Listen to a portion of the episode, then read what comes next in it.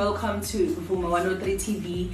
Uh, the name of the show is uh, The Balance, where we balance your identity. Kamala Mutobilo Makumalwa Gamselebo. Anghambi ngedwa ngihamba.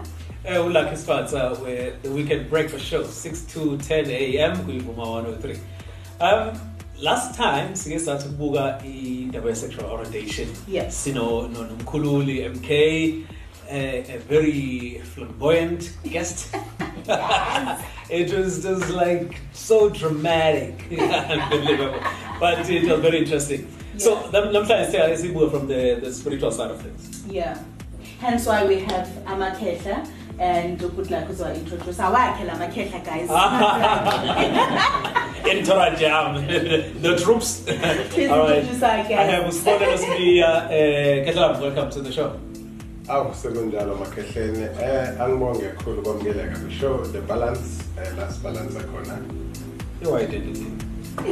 so, so, one lang. ngibonge kakhulu kule balance ukuba khona la nokwamukeleka mhlawumbe nje sivele siyiqale le ndaba ukuthi um ni ni- ni- niyayazi le ndaba ikhona. Eh you- you- you- you- i- sexual orientation. Yes. I- ikuphi la ifike i- i- ihlangane khona or ishayisane naloko kukhulunywa amakhehla nezalukwazi emsana right. Um lento idinge ukuthi kwesinye isikhathi yonke into eyenzeka phambi kwethu thina sesifundiswe into eyodwa. Ukuthi yonke into eyenzeka phambi kwethu um thambisa uzothola ukuthi there is always a reason behind into eyenzekayo. Yabo? So uma uzothola kunale simo kufanele wazi into eyodwa ukuthi kusuke esikhathini esiningi kungekona ukuthi lo muntu mhlambe ingoba efuna ukubukwa noma mhlambe ezoziportraya ngale ndlela ngoba ethanda yabo?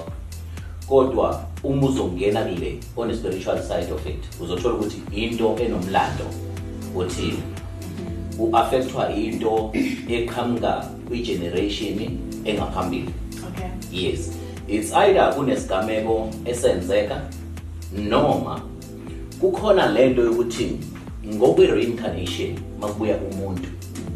Kuyenzeka ukuthi umuntu abuye kubulili obungafani Okay. yes mhlambe ikhehla uzothola libuya eh kumuntu wesifazane. Ilapho uzothola khona eh umuntu wesifazane emthola eh, eh, njalo mhlambe engena kwe relationship umthole egoli eh umthole ethiso komfana ini ini.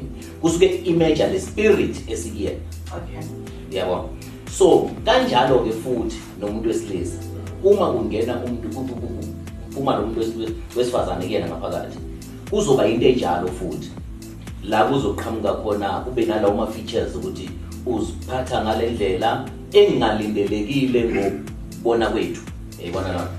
Kodwa loyo muntu kusuke thina sesiyazi ukuthi kusuke affecteke the spirit and ine-history leyo nto yabo kuyifamily sibili khona ufisa ukuphawula um engifisa ukuthi ngikuphawule mina kunye. Yabo njengamanje sibhekene nesimo la engithi khona i-backlashing. Okay. mangibiza why ngithi i-backlashing? Sibalekele amasiko ethu. Sabalekela umnjalo bethu. Ukuthi singobani. So leyo nto manje ibuya nani na? Izinhlaka ezibuyiswayo njengoba sizama ukuthi sibuyele eh, e- e- e- ebuntwini bethu njengoba kuthiwa sibhalansa i-identity yethu. Yes. sizama ukubuyisela manje isimo sethu sonke njengoba sinjalo sobuntu obumnyama eh noma ngabe kuthiwa izinhlaka zonke esikhuluma ngazo eyifike umuntu azithola ukuthi ubulili ayibona akuseyona indlela aziphethe ngayo. Yes osekufika ukuthi nangu yena se- sekuvukele sisalukwazi kuyena eh ukuziphatha kwakhe kuzobe sekufana exactly nomuntu wesifazane. Okuwukuthi umntwana akabile ne- nephutha lapho kodwa ngenxa yokuthi okuwusike bekufuneka kulandeleke phambi kwakhe akuzange kwenzeke eh kubantu okusuke kuphakame kanjalo ngokusheshsha abantu abasuke benesiphiwo esithile ekufuna masisukume ngokwalo ngokwalobo bulili okungale kwalokho ayibona. Okuwukuthi kuzoqhamuka ikhehla lingene kumuntu wesifazane. Umuntu wesifazane ukhumbula ukuthi unamasiko ekufanele adlule kubona iy'nyongo eziwu-7 ekufuneka ayithole njengomuntu wesifazane ngoba yena ukuzalwa kwakhe akana-system emhlabeni? So uzalwe ngombambo lo muntu wesilisa liyasho ibhayibheli kuphinde kuzoba ukuthi ngokwethu thina siye sithini? Njengoba ngenazo istem yena njengoba ukuzaleka kwakhe kufika kanje. Uyabhalanswa kunama-stages okufuna ahambe kuwona so already uma ngabe umntwana ezokhula ne-behavior yo- yomuntu wesifazane umvumele ukuthi akangene kuyona right? Ngoba kufanele umvimbi wena addressa i-problem yespirit esiphethe ingane ukuthi listen yebo ugogo ngeke sikukhiphe kuyena. Unkulunkulu ohlele ukuthi wena umphefumulo wakho uzo-reincarnata umuntu wesilisa. Ngoba uyazi yena ukuthi ufunani ubhalansa lezi zinto eziwu-two ukuthi lo gogo ufuna abe namandla umuntu ufuna abe kumuntu wesilisa ngoba khona bafuna ukuku-adressa okucombine the two. Yeah.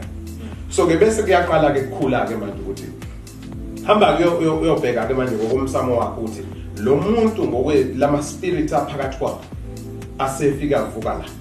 Yini le afuna ukuyi-adressa ngokosiko so babusodoba ziningi izinto esizwayo ezikhulunywayo abantu abasuke be- bez- bezicabangela you know about eh, abantu abagay nabantu aba- abanama-lesbians some will say it's a curse.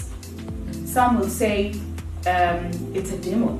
And um, usathane in a way wenze something while umntana esasesibelethweni wazalwa ese it's like kungenelekile usathane. So they don't just accept ukuthi mina ngizwa lento ichazayo njengamanje. So ngifuna si-addresse leyo part ukuthi there is no such thing as a curse and ukungenelela kwasathane ukuthi kuthiwe umuntu angazalwa kanjani eh obulilini obuhlukile kodwa aphile njengomuntu ohlukile.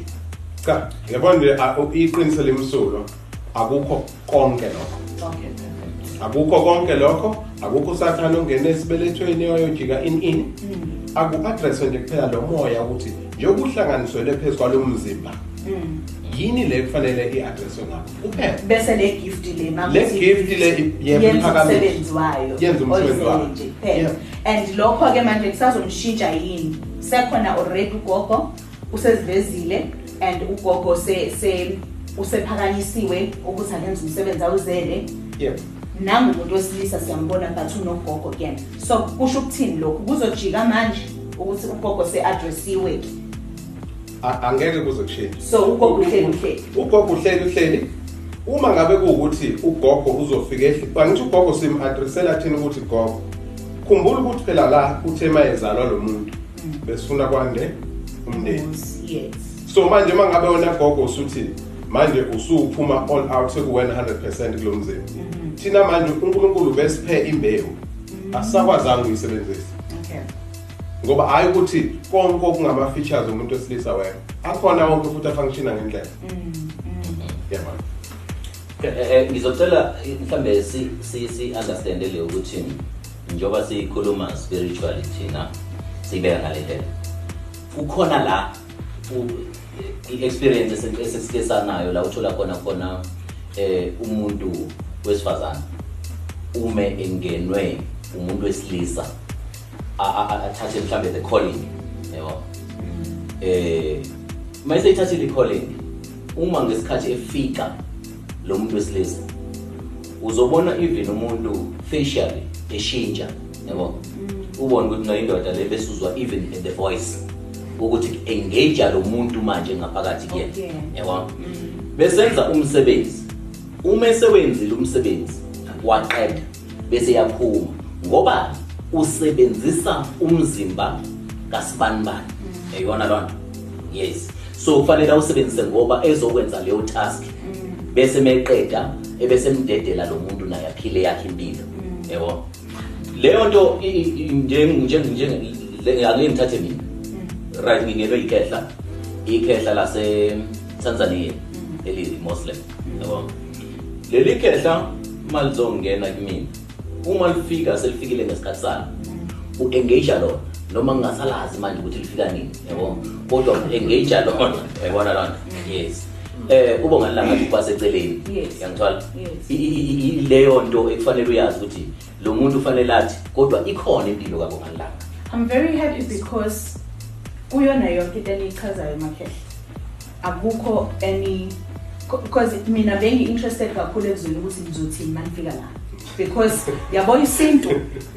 Isintu si si uvela uzishawa uvalo ngabe zokuchazela ukuthi mhlambe kwabonakele. In this case angisho ukuthi konakele nithe kusuka umuntu who has a calling or onomsebenzi awuzele abese avuka ngomunye umuntu. And kungenzeka ukuthi mhlambe kusuke kuzivukela isakwazi esijeka nje that I always say umthombeni uma ngase kuthiwa ngivuke nje mina ngingavuka endodeni ngifuna ukuthi ngenze yonke into kade uyenza kuthini okay so so I, I'm, I'm very happy and thank you so much guys for ukuthi nifike nihlezi nizo nizosivula amehlo singahlezi sicabanga ukuthi izinto zonakele noma zingonakele and yazi le nto makhumalo uzoyibona njengoba amakhetha ndiyibeka nje uzobona ukuthi um baba baba nalesi siphiwo lesi esi esi esisithe you know? Why? Because because kusuke kunento ethize thina sithi ke akube thambisa bese ibuka kahle le nto. Isizathu sokuthi lo muntu abe nje? And then you let him or her excel. Yeah. because they wherever- excel. Yeah, wherever they, they are, they, wherever they are, batshengisa uba abantu abanesiphiwo esithile. So why sifuna ukuthi sibe ingxenye ya- ya- yabantu abafuna ukucrusha le nto ecreate uNkulunkulu ngabe si- si- si- imiswa ngendlela efanelekile for i-purposes eh, eh, purposes right. good people yes what's up and uyibambe ngento eyodwa Yeah. uyazi ukuthi ungazi ukubanywe magnet yokuzwana Mm. ngoba ispirit esibadrivayo mm. ukuthi nangomunye oxake njengabo nangomunye oxake njengabo